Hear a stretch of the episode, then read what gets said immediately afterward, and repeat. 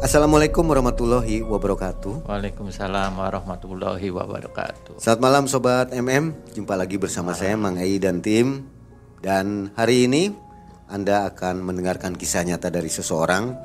Sudah ada di depan kita namanya Pak Silo, Silo. atau Pak disebut Susilo disebut Mang, Mang Silo. Silo ya, lebih terkenalnya Mang Silo. Akan mengisahkan sebuah kisah nyata. Pada waktu itu Pak Silo pernah mengamalkan sesuatu ayat lah ya, dan ternyata mendapatkan oleh-oleh sebuah batu ya. Iya. Nah batu ini ternyata membawa kekayaan kepada Mang Silo selama 11 tahun. Bagaimana kisahnya nanti kita coba ngobrol-ngobrol dulu nih dengan Pak Silo. Pak Silo waktu punya batu itu Iya. gimana Pak? Kehidupan atau kekayaan Bapak? Kekayaannya lumayan dibandingkan dengan seumuran dengan saya. Tahun berapa itu Pak?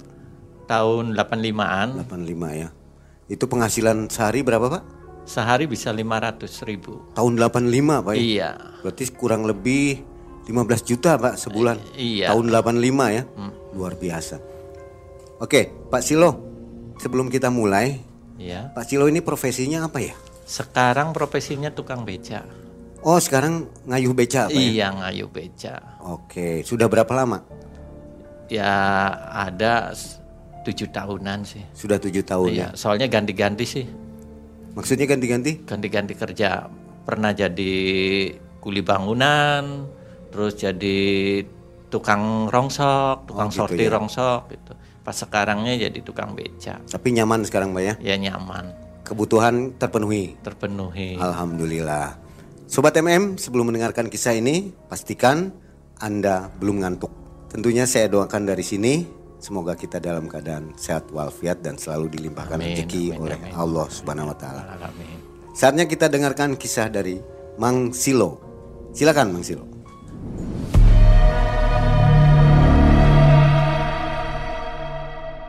waktu masih saya masih remaja saya suka ngamalin suatu ayat yaitu ya Rohman ya Rohim jadi tidak ada waktu pasti saya baca itu di mana pun saya baca itu tapi di dalam hati. Nah terus waktu masih remaja juga saya suka datangin yang namanya setiap malam Jumat Kliwon tuh ke Istana Gunung Jati.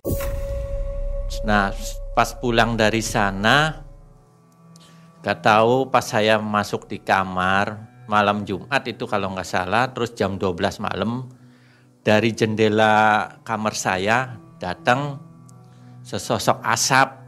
Itu tuh asapnya kan langsung berbentuk makhluk halus, perempuan semacam kuntilanak itu, cuma rambutnya panjang, terus keluar taringnya tuh panjang. Dia ngo datengin saya terus ngobrol ke saya. Dia minta ikut ke saya. Cuma sama saya tak tolak kata saya tuh saya nggak mau kamu ikut. Hidup saya aja udah susah. Apalagi diikutin semacam kamu. Pasti kan minta makan atau apa. Nah saya tidak sanggup gitu. Saya nggak tahu dianya ngomong ke saya. Dia tidak minta makan tidak minta minum. Dia cari sendiri. Itu setelah mengamalkan berapa hari itu, Mang? Wah lama. Saya semenjak apa sih SD juga saya udah ngamalin gitu. Tapi datangnya baru umur 14 tahunan lah. Saya itu baru datang itu tuh. jadi mengamalkannya kira-kira berapa tahun? Mengamalkannya ya hampir lima tahunan Lima tahun. Baru Iya. muncul makhluk itu. ya? baru muncul. Nah terus apa dia tuh tetap minta ikut ke saya. Saya tolak terus kata dia saya tidak minta apa-apa. Saya sekedar semacam tempat tinggal aja dia tuh. Katanya dia nyaman dengan saya. Kata saya tetap saya tolak. Saya tidak mau nanti efeknya ke hari apa sih hari pembalasan nanti tuh di akhirat pasti minta temen saya tidak mau kata dianya ya saya sih tidak ngajak apa-apa saya sih semacam ingin membantu aja ikut tuh kalau ada apa-apa nanti dia siap membantu tanpa minta imbalan apa-apa. Akhirnya dia tuh jatuhin semacam batu. Nah pas saya lihat itu batunya combong. Kata dia ini tidak ada efek samping biarpun dibawa ke WC atau ke apa. Kan kalau misalkan orang pakai batu gitu kan kalau masuk ke WC mau kencing kan minta dilepas. Kalau itu nggak usah dilepas juga nggak jadi masalah. Kata dia tuh sok terserah cuma satu syarat kata dia tuh jangan sampai berbuat jina kalau sekedar megang-megang nggak apa-apa ya udah pikir saya syaratnya Maksudnya memegang-megang ini megang cewek ceweknya masih boleh. boleh megang apa Oh. boleh asal jangan disetubuhin gitu Jangan berhubungan. Iya, jangan berhubungan badan gitu. Nah, karena waktu itu tuh apa sih saya pas megang batu itu kehidupan saya tuh jadi kayak lebih enak. Itu batunya berbentuk apa, Pak? Batunya udah berbentuk begini, persis saya ini. Seperti ini. Iya. Warnanya itu yaman madu, tapi ada lobangnya. Sudah ada Oh ikatnya. belum, masih berbentuk batunya aja. Waktu itu pas jatuh juga masih ngeluarin asap itu tuh. Terus sama saya tak pegang, kata dia tuh udah biar orang jangan sampai tahu, suruh disimpan dipakai kantong hitam atau kantong putih. Cuma kata saya, ya ini sih berarti nanti saya ikut kata itu makhluk itu. Saya kan tidak mau diatur, pikir saya tuh.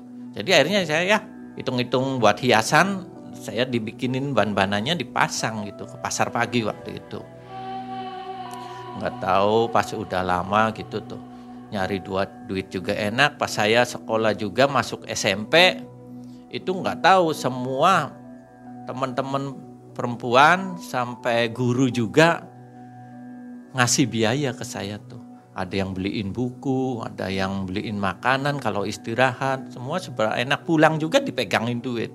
Sampai kelas 3 lulus masuk mau masuk SMA juga ya ditawarin lagi, udah jangan mikirin mau ke SMA juga semua ditanggung sama saya. Sama teman-teman gitu tuh, sama teman-teman perempuan. Pokoknya semua temen tuh jadi baik semua. Sampai datang ke rumah tuh tiap hari tuh teman perempuan tuh ada sampai 5 6 sampai tetangga juga ngomong ini laki-laki tapi kayak perempuan. Jadi temennya cewek semua kayak banci. Ya karena dia tidak tahu. Soalnya kan pikir saya kan kalau temen perempuan kan paling gampang dimintain juga apa. Tapi biarpun itu kata orang kan kalau combong kan buat pengasihan tapi ini sih lain dengan pengasihan atau lain dengan hipnotis. Kalau hipnotis sih berapa jam pasti kan langsung sadar gitu. Sedangkan ini sih enggak. Di jalan misalkan wah ini ada ada cewek lumayan nih banyak duitnya gitu. Sama saya tuh cuma dipegang aja pundaknya. Dia tuh langsung ngajak ngobrol. Terus nanti kenalan-kenalan, nyampe di rumah, ya nanti pulangnya sama saya tuh sama dia tuh sayanya dibawain oleh-oleh gitu. Cuma Langsung kenal ya. iya langsung kenal, apa langsung kena, Langsung akrab. langsung akrab. Terus jadi bisa jadi semacam kayak sahabat. Jadi efeknya tuh udah langsung masuk ke hati gitu. Jadi udah langsung kayak udah pacaran lama. Sampai waktu itu zamannya masih ada bioskop juga kalau nonton apa yang bayarin perempuan apa. Cuma saya pernah apa eh, tergoda gitu tuh pas saya kenalan perempuannya cantik, masih muda, mulus gitu tuh. Iya, namanya Reni, nama samaran. Sama saya tuh karena sayanya tergoda sama saya tak bawa itu tuh dibawa ke rumah kosong. Sama saya dikerjain di situ tuh. Dikerjain ini dikerjain apa nih, Pak? Ya hubungan badan gitu layaknya suami istri. Mau dia. Dia mau. Ya pokoknya sih sebenarnya sih kalau saya nggak inget sama pantangan sih semua orang juga bisa dikerjain gitu. Cuma kan pantangannya kan nggak boleh dibegituin. Cuma karena tergoda nafsu atau apa karena body perempuannya bagus gitu tuh mulus ya tergoda akhirnya sama saya tuh tak kerjain gitu hubungan badan. Terus pulang aja. Pas malam-malam jam 12 malam dia datang ke saya marah-marah. Ini yang datang maksudnya makhluknya. Makhluknya, makhluk makhluk gaib itunya. Semacam kayak kuntilanaknya datang dari jendela tuh langsung. Ya pertama masuk juga asap dulu asap terus langsung ngujud gitu tuh nggak tahu langsung leher saya dicekik sama dia sayanya kan sambil sambil tidur itu tuh terus dada saya dipakai lutut tuh dicengku gitu wah sampai kayak hampir mati gitu tuh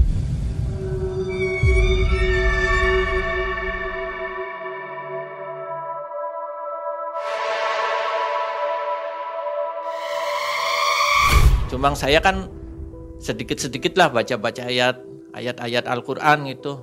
Terus dia pergi. Pikir saya dia pergi tuh. Udah hilang. Eh nggak taunya balik lagi. Dia tuh. Cuma kata dia tuh saya cuma ngasih pelajaran aja lain kali. Jangan begitu. Kalau ia bener-bener seneng ke orangnya ya dinikahin. Cuma waktu itu kan umur saya juga masih remaja jadi ya udah. Akhirnya itu tuh sama saya tuh dipakai aja buat cari duit. Ke mana-mana, misalkan lagi dari rumah nggak bawa uang tuh, ada perempuan langsung dicawil, nanti ngajak ngobrol, saya ceritain begini dia ngeluarin duit. Gimana caranya tuh Pak? Aksinya seperti apa Pak? Ya dari awal tuh kalau perempuan jalan gitu tuh. Sama saya dari belakang tuh pundaknya tuh dicawel gitu. Neng mau ke mana Neng? Kalau apa nggak keberatan saya anter. Eh dia langsung nyaut. Terus sama saya sekalian minta kenalan namanya siapa gitu. Iya, pokoknya langsung aja langsung ini langsung lengket itu tuh. Terus langsung dibawa ke rumah dianya.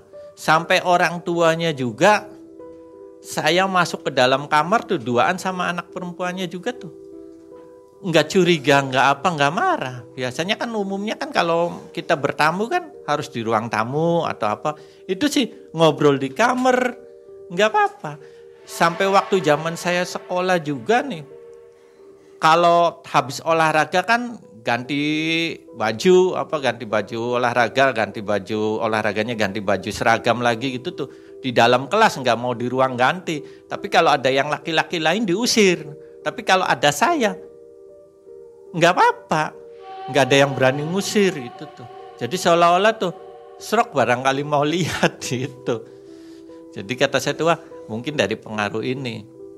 Nah sewaktu itu tuh ada uh, pegawai Pemda namanya ini sih disamarkannya Om aja.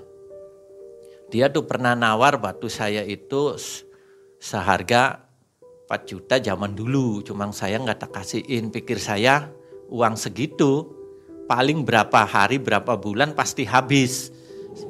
Dia tahu Mang Silo punya batu dari mana? Kan dipakai sama saya. Oh dia tertarik. Iya tertarik.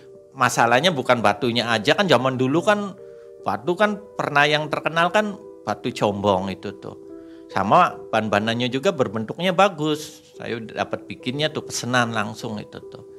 Dia nawar segitu. Sedangkan batu yang saya pakai itu ke mana-mana cari uang gampang, nggak mungkin habis semasa batu masih dipakai gitu. Ya suatu saat itu saya akhirnya kan terpesona sama gadis lugu. Dia orangnya sih sama kenalan-kenalan saya jauh beda. Ini sih orangnya ya sederhana, kulit juga hitam, nggak nggak mulus. Cuma nggak tahu, saya tahu-tahu jatuh cinta sama dia. Akhirnya saya kenal, terus saya ajak taruhan, tukar cincin gitu, terus satu bulan kemudiannya langsung saya nikahin. Nikah itu gampang banget Masalahnya semua orang pada nawarin. Ada yang nawarin, udah urusan tenda sama saya. Terus urusan prasmanan sama saya. Pokoknya semenjak megang batu itu tuh semua urusan pasti gampang. Dan calon istrinya ini juga langsung nurut ya? Iya, langsung nurut. Langsung Pokoknya istri saya juga langsung ma mau, nggak nggak banyak pikir panjang, nggak ada apa, mau gitu. Apalagi ya yang saya juga bisa mau nikah dengan dia, dia orangnya orang nggak punya, terus anak yatim juga. Sedangkan saya sebenarnya kenalan anaknya lumayan, ada yang bapaknya polisi itu tuh. Ada yang bapaknya saudagar tambak udang, malah orang kaya pokoknya. Iya, ya. orang kaya. Malah saya pernah ditawarin sama anaknya yang bapaknya tambak udang. Saya ditawarin kalau nikah, saya sama anaknya, saya dijanjikan rumah, mobil sama tambaknya. Soalnya dia anak tunggal. Cuma tetap saya tolak. Masalahnya kemungkinan pikir saya tuh dia seneng ke saya bukan karena dari hati, tapi mungkin dari pengaruh itu. Saya takutnya nanti waktu itu nggak ada, nantinya beda lagi. Nah saya nikah sama ini ya lumayan hidup saya harmonis. Istri saya minta apa-apa sama saya cepat diturutin. Pokoknya yang duitnya juga gampang lah nyarinya mau berapa aja gampang gitu. Cuma nggak nggak ketahuan sama tetangga-tetangga ini uang dari mana uang dari mana soalnya sayanya juga kan jualan gitu. Jualan oh setelah duit. nikah Bang Silo jualan. Jualan. Jualan apa itu? Jualan mainan itu. Mainan keliling. Keliling-keliling dari SD 1 ke SD yang lain, SD yang lain gitu. Itu ya apa sih semacam buat nutupin. Tapi yang nggak tahu pas jualan itu juga lain dengan yang lain. Kalau saya jualan di situ pasti yang orang jualan lainnya padahal sih be beda jualan. Saya jualan mainan, ini jualan makanan tapi imbasnya yang jualan makanan nggak laku kalau saya ke situ. Orang tuh pasti larinya ke saya semua. Ya saya juga nggak ngerti. Sampai pernah ada temen laki-laki tuh ikut apa dia juga jualan mainan lagi sama saya tuh dia kan belum punya pangkalan sama saya tak kasih pangkalan ini di SD ini kata saya tuh sok kamu mau jualan dekat pintu keluar atau mau di dalam kata dia tuh Wah, lo jadi saya di dalam aja lah biar deket dengan anak-anak kamu di luar. Eh nggak taunya orangnya larinya ke saya. Sampai terus besoknya teman saya juga ah enak di luar ya. Kamu yang di dalam lebih parah lagi dia yang di luar nggak laku malahan. Jadi tuh semacam enak pokoknya kalau pas megang gituan sih.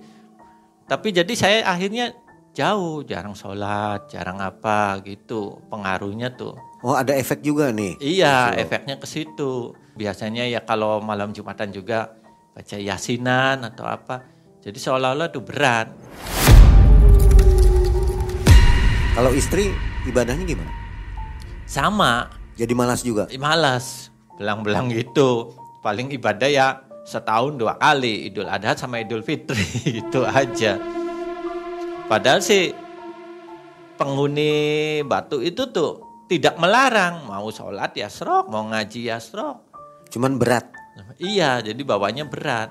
Hasil pernikahan dengan istri saya, saya punya anak. Semua apa anak yang saya turutin juga apa yang minta ya saya turutin. Lain dengan anak yang lain, anak yang lain sih yang namanya mainan paling dibeliin satu. Saya kalau beli mainan langsung satu lemari mainan tuh. Nah terusnya yang namanya perhiasan saya tempelin semua ke anak tuh dari gelang kaki, gelang tangan, anting, pokoknya perhiasan sih udah ngambrek aja banyak. Emas aja pokoknya. Iya, emas semuanya tuh. emas. Nah, setelah 11 tahun saya usaha pakai batu begituan, pakai Hidup batu makmur ya. Paman saya datang ke Cirebon, paman saya dari Pemalang dia usahanya banyak. Cuma kondisi usahanya lagi morat marit. Dia datang ke Cirebon, tujuannya sih nemuin tem temennya. Dia punya temen yang apa suka ngajak dia tuh ke sumber ke kecomberan di sana ada orang pinter. Dia tuh tiga bulan sekali pasti ke sana. Kalau semacam HP sih ngecas gitu tuh. Nggak tahu pas waktu itu temennya paman saya lagi ada kesibukan jadi minta saya sebagai keponakannya minta suruh anter nemenin gitu jadi saya ikut ke sana perjalanannya juga lumayan jauh masuk ke kampungnya pakai ojeknya juga itu harus suruh ojeknya jangan suruh pergi suruh nunggu soalnya kalau udah pergi nyarinya susah lagi ojeknya pas nyampe di rumah paranormal itulah orang pinter itu kan ketok-ketok pintu, assalamualaikum. Dia buka pintu, kaget. Lah, kok ini ada saudara saya. Ya, paman saya tuh saudara yang mana? Ya itu yang yang sama paman gitu tuh. Kata paman sayanya ngomong ke sayanya, kenal dah lo. Enggak, saya enggak kenal barusan ini kata saya tuh. Kata dianya, enggak saya kenal. Ini masih keturunan dari keraton kesepuan.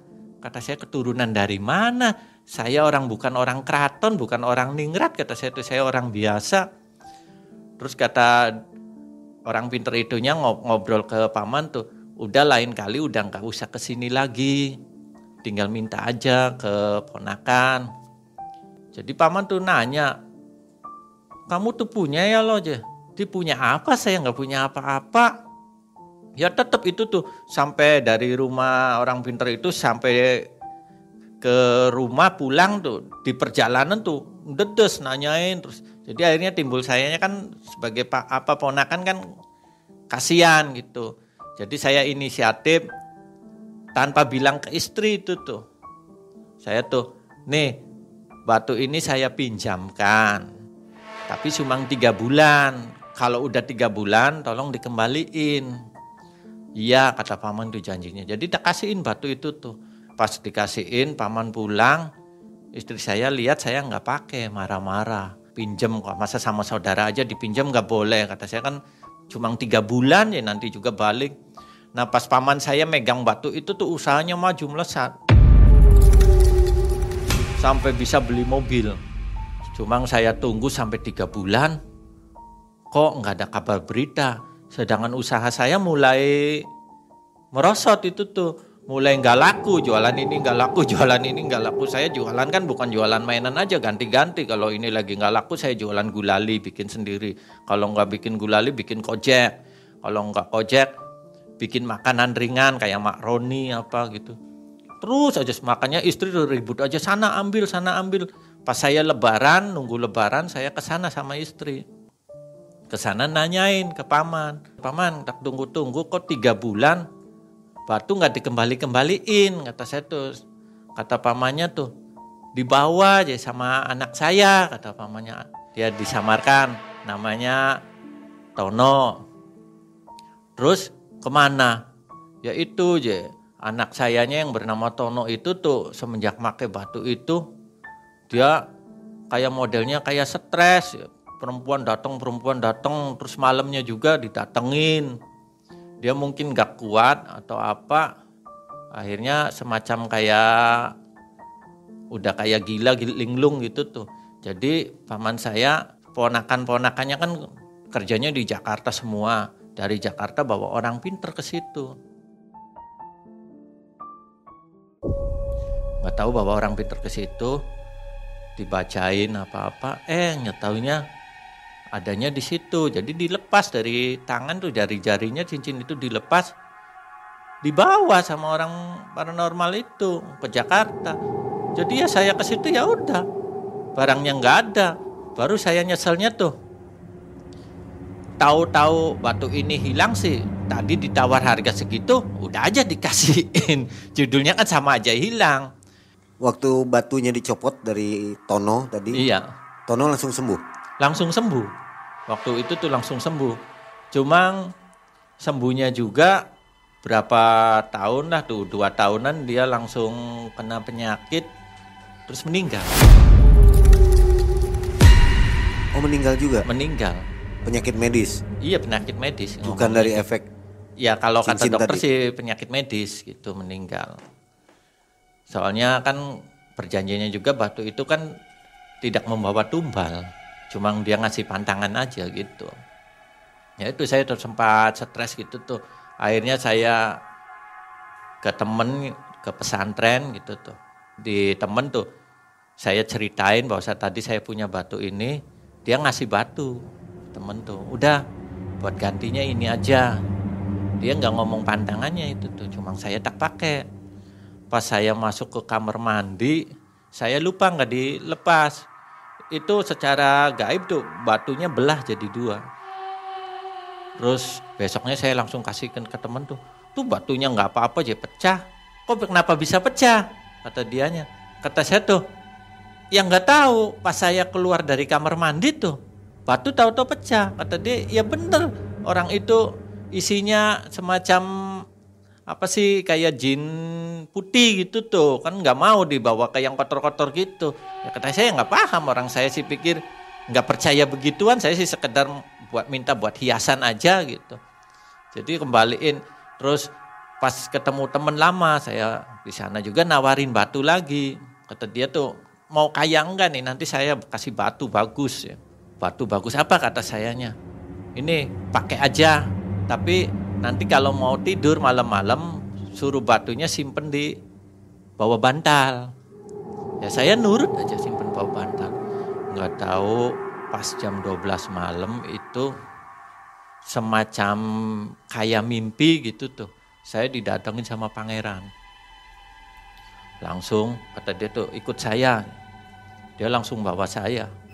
Tapi perasaan saya saya masih tidur tapi saya kok kayak sadar gitu. Jadi antara tidur sama enggak di bawah sama keluarnya dari jendela itu.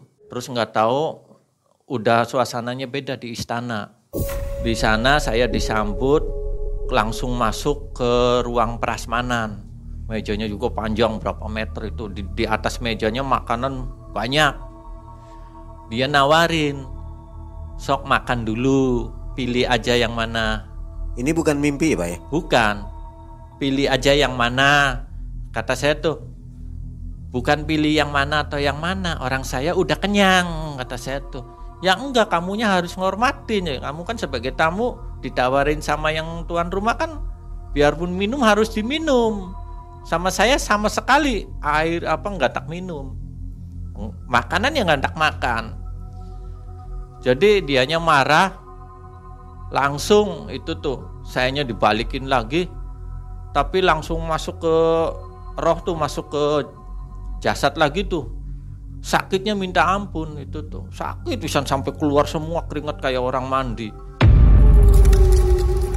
Terus besoknya pagi-paginya saya nemuin teman saya itu lagi. Saya belum ngomong teman sayanya udah langsung ngomong. Loh Je tadi dibawa ke istana kamu ngambil apa, makan apa. Jadi kayak seolah-olah dia tahu gitu tuh. Kata saya saya nggak ngambil apa-apa kata saya. Kata teman sayanya kenapa nggak ngambil? Katanya mau kaya. Ya kata saya namanya perut kenyang biarpun suruh minum suruh apa juga yang nggak mau orang sok aja situ kalau makan udah kenyang minumnya udah kembung disuruh minum lagi suruh makan lagi pasti kan nggak mau nunggu nunggu lapar dulu cerita teman sayanya Ya justru itu kalau kamu ngambil salah satu atau makan ayam atau apa, hidup kamu bakalan kaya mendadak. Cuma nanti je ada efek sampingnya apa sih? Ya nanti je anaknya situ meninggal.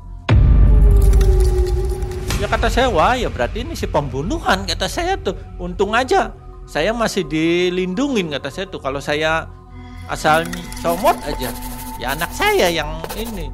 Jadi akhirnya sampai sekarang saya nggak mau lagi minta-minta begituan. Paling ya sekedar pakai batu ya batu udah kosong nggak ada apa-apa hanya sekedar hiasan.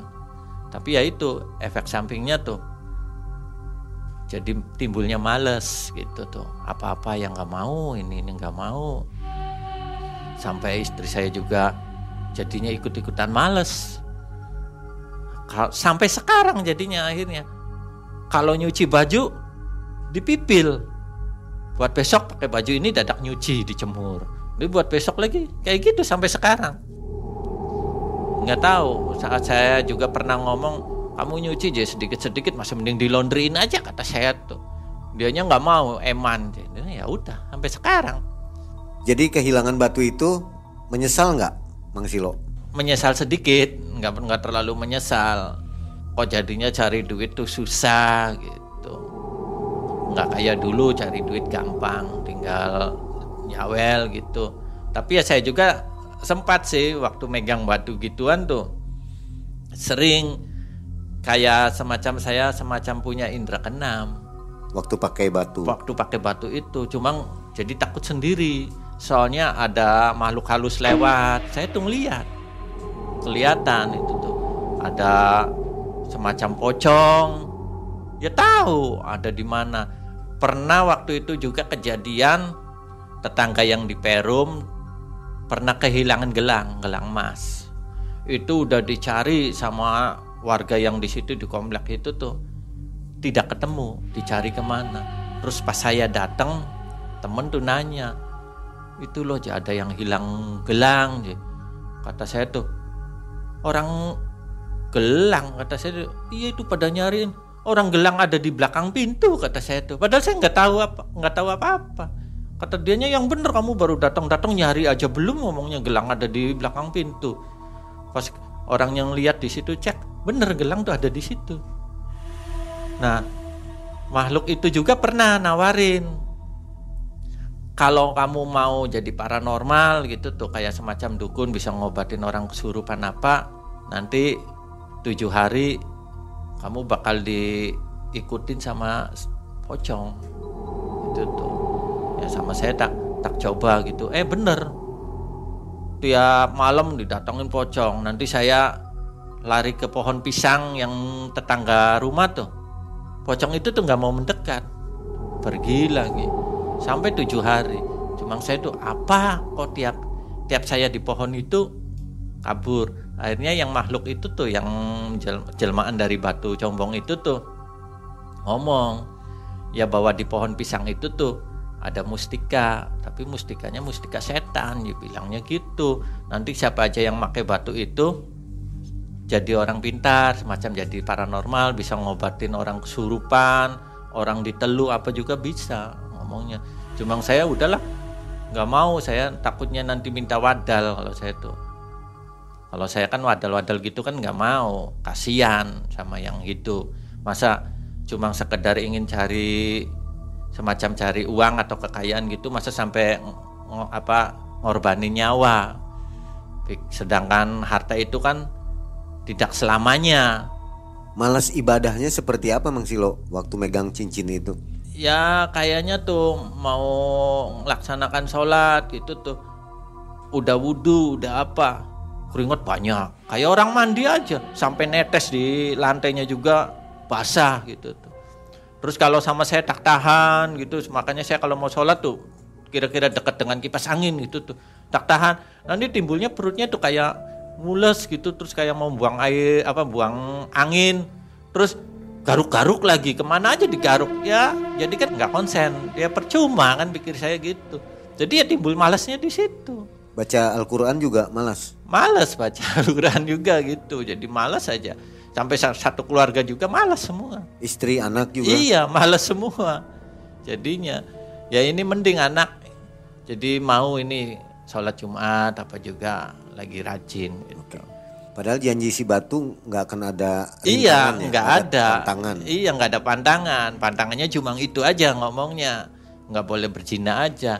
Makanya kan saya juga kan waktu batu itu mau ikut ke saya juga kan saya kan sempat nolak sampai dua kali malah ditolak tuh kata saya tuh nanti kamu tuh yang namanya makhluk setan gitu jin atau iblis gitu tuh omongannya manis jadi dia janji begini-begini tapi bohong. Iya dia janji ini nggak ada pantangan, kamu mau melaksanakan apa silahkan apa. Yang ngomongannya aja, tapi kenyataannya sih dia menyerang gitu. Cuma kan sayanya tidak sadar. Bapak nggak ngerasa kalau memiliki batu itu berarti Bapak sudah dekat dengan kemusrikan ya? Artinya percaya kepada benda. Seperti Enggak. apa Bapak perasaannya?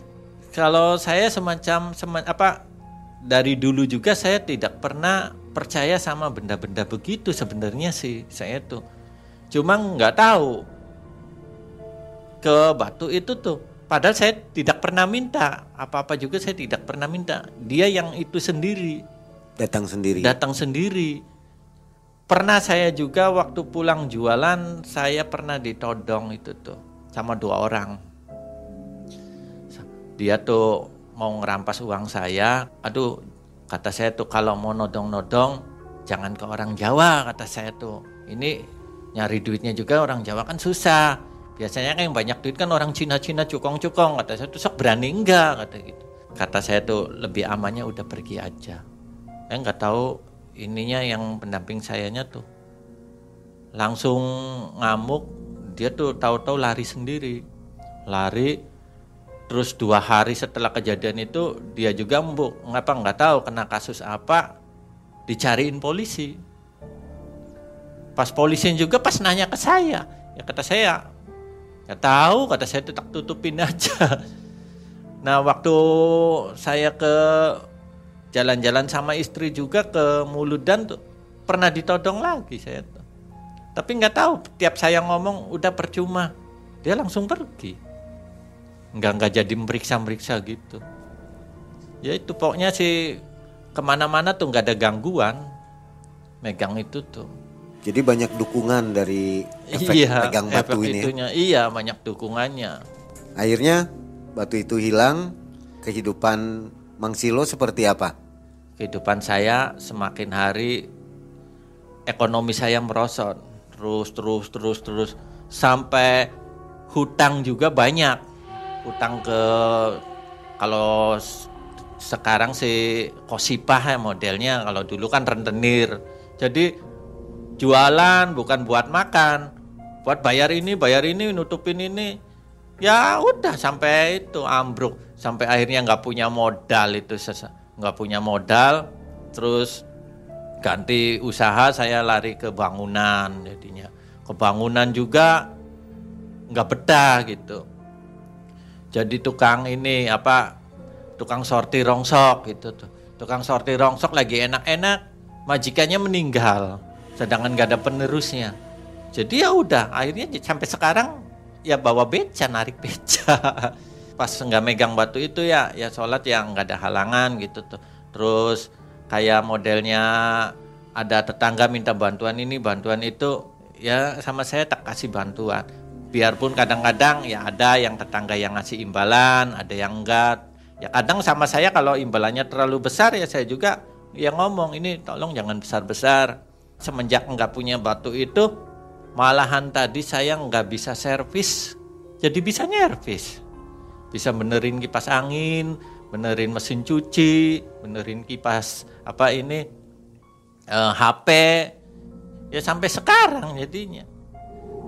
Dan waktu itu sih ya pikiran tuh buntu pikir lah cari duit tinggal nyari di jalan ada perempuan lewat. Tinggal colek. Tiga colek ngobrol nanti kenalan terus yang yang bekas yang kenalannya juga sampai sekarang nggak membenci nggak apa ngobrol langsung malah kayak saudara jadi tuh nggak ada berlanjut ya Hah? berlanjut Iya, berlanjut. Itunya batunya udah nggak udah nggak ada tuh, udah hilang tuh. Yang korban-korban saya itu tuh tetap berlanjut, tapi masalah uangnya udah udah nggak keluar. Jadi semacam yang ngobrol aja gitu, ke mana aja, lama nggak ini. Ya saya coba lagi ke temen si A yang dulu pernah saya mintain duitnya ke situ, yang ngobrol aja. Ja- tapi yang yang dulu-dulu itunya udah lupa. Jadi sekedar waktu itu kenal aja udah. nyaman mana Mang Silo waktu punya batu dengan udah nggak punya batu kehidupan maksudnya lebih nyaman mana Kalau masalah kehidupan ya lebih nyaman nggak punya batu. Jadi tuh kita udah bebas nggak ngelakuin yang enggak gitu tuh. Ya pokoknya sih lebih nyaman pas batunya udah nggak ada. padahal waktu punya batu kaya ya Iya, soalnya waktu punya batu biarpun kaya, tapi bentuknya sampai sekarang udah nggak ada. Barang-barang yang dibeli dari hasil uang yang waktu punya batu, satu pun udah nggak ada. Sekarang punya barang tuh hasil jeripaya bener-bener asli dari ngebeca. Ya kalau kata saya, biarpun uang begituan tuh percuma, kita kaya juga. Nanti kalau yang digandulinya udah nggak ada, pasti hilang lagi. nambah-nambah dosa ya Iya, nambah dosa. apa pesan yang ingin disampaikan oleh Mang Silo dari kisah ini Ya, kalau pesan saya untuk masyarakat yang penonton MM, menurut saya jangan tergiur sama bisikan-bisikan atau tawaran-tawaran dari makhluk halus begitu. enaknya cuma sesaat. Sewaktu kita masih ya hitungannya bersahabat atau apalagi sampai muja gitu tuh. Ya kayaknya enaknya cuma sekedar hari itu. Nanti kalau dianya udah nggak ada atau kitanya yang melanggar malah kita bisa jadi wadalnya. Masih mending kita cari harta yang halal-halal aja. Soalnya rezeki juga pasti di mana pun kalau kita berusaha pasti dikasih sama Gusti Allah. Betul. Iya. Ya, itulah sifat dari jin ya, Mang Siola. ya? Iya, itulah Jadi- sifat dari jin. Tidak ada yang gratis kata dia. Iya. Ujung-ujungnya tetap ada yang diminta. Iya. Buktinya ibadah baru ibadah tuh yang Iya. diminta. Untungnya batu hilang. Iya, Kalau berlanjut nggak tahu ceritanya nih. Iya. Kalau kalau batunya masih megang ya nggak tahu lagi. Ceritanya udah nggak tahu lagi. iya, nggak tahu lagi. Oke, sobat MM itulah kisah yang memberi satu informasi menarik untuk kita, tambahan untuk renungan, bahan renungan bahwa sesuatu yang instan itu pasti menghasilkan kekayaan yang instan dan akibat yang instan pula. Iya. Jadi boleh diingat-ingat bahan renungannya adalah bekerjalah, ikhtiarlah dengan cara yang normal, tetap di jalan Allah. Iya. Tambah keimanan kita, gitu ya Mang Sula ya. Iya, iya. Jangan percaya kepada Jangan batu percaya ataupun benda-benda. Iya. Baiklah, Sobat MM, akhirnya Mang Ai dan tim harus undur diri. Kita jumpa lagi di video selanjutnya. Terima kasih. Assalamualaikum warahmatullahi wabarakatuh. Waalaikumsalam warahmatullahi wabarakatuh.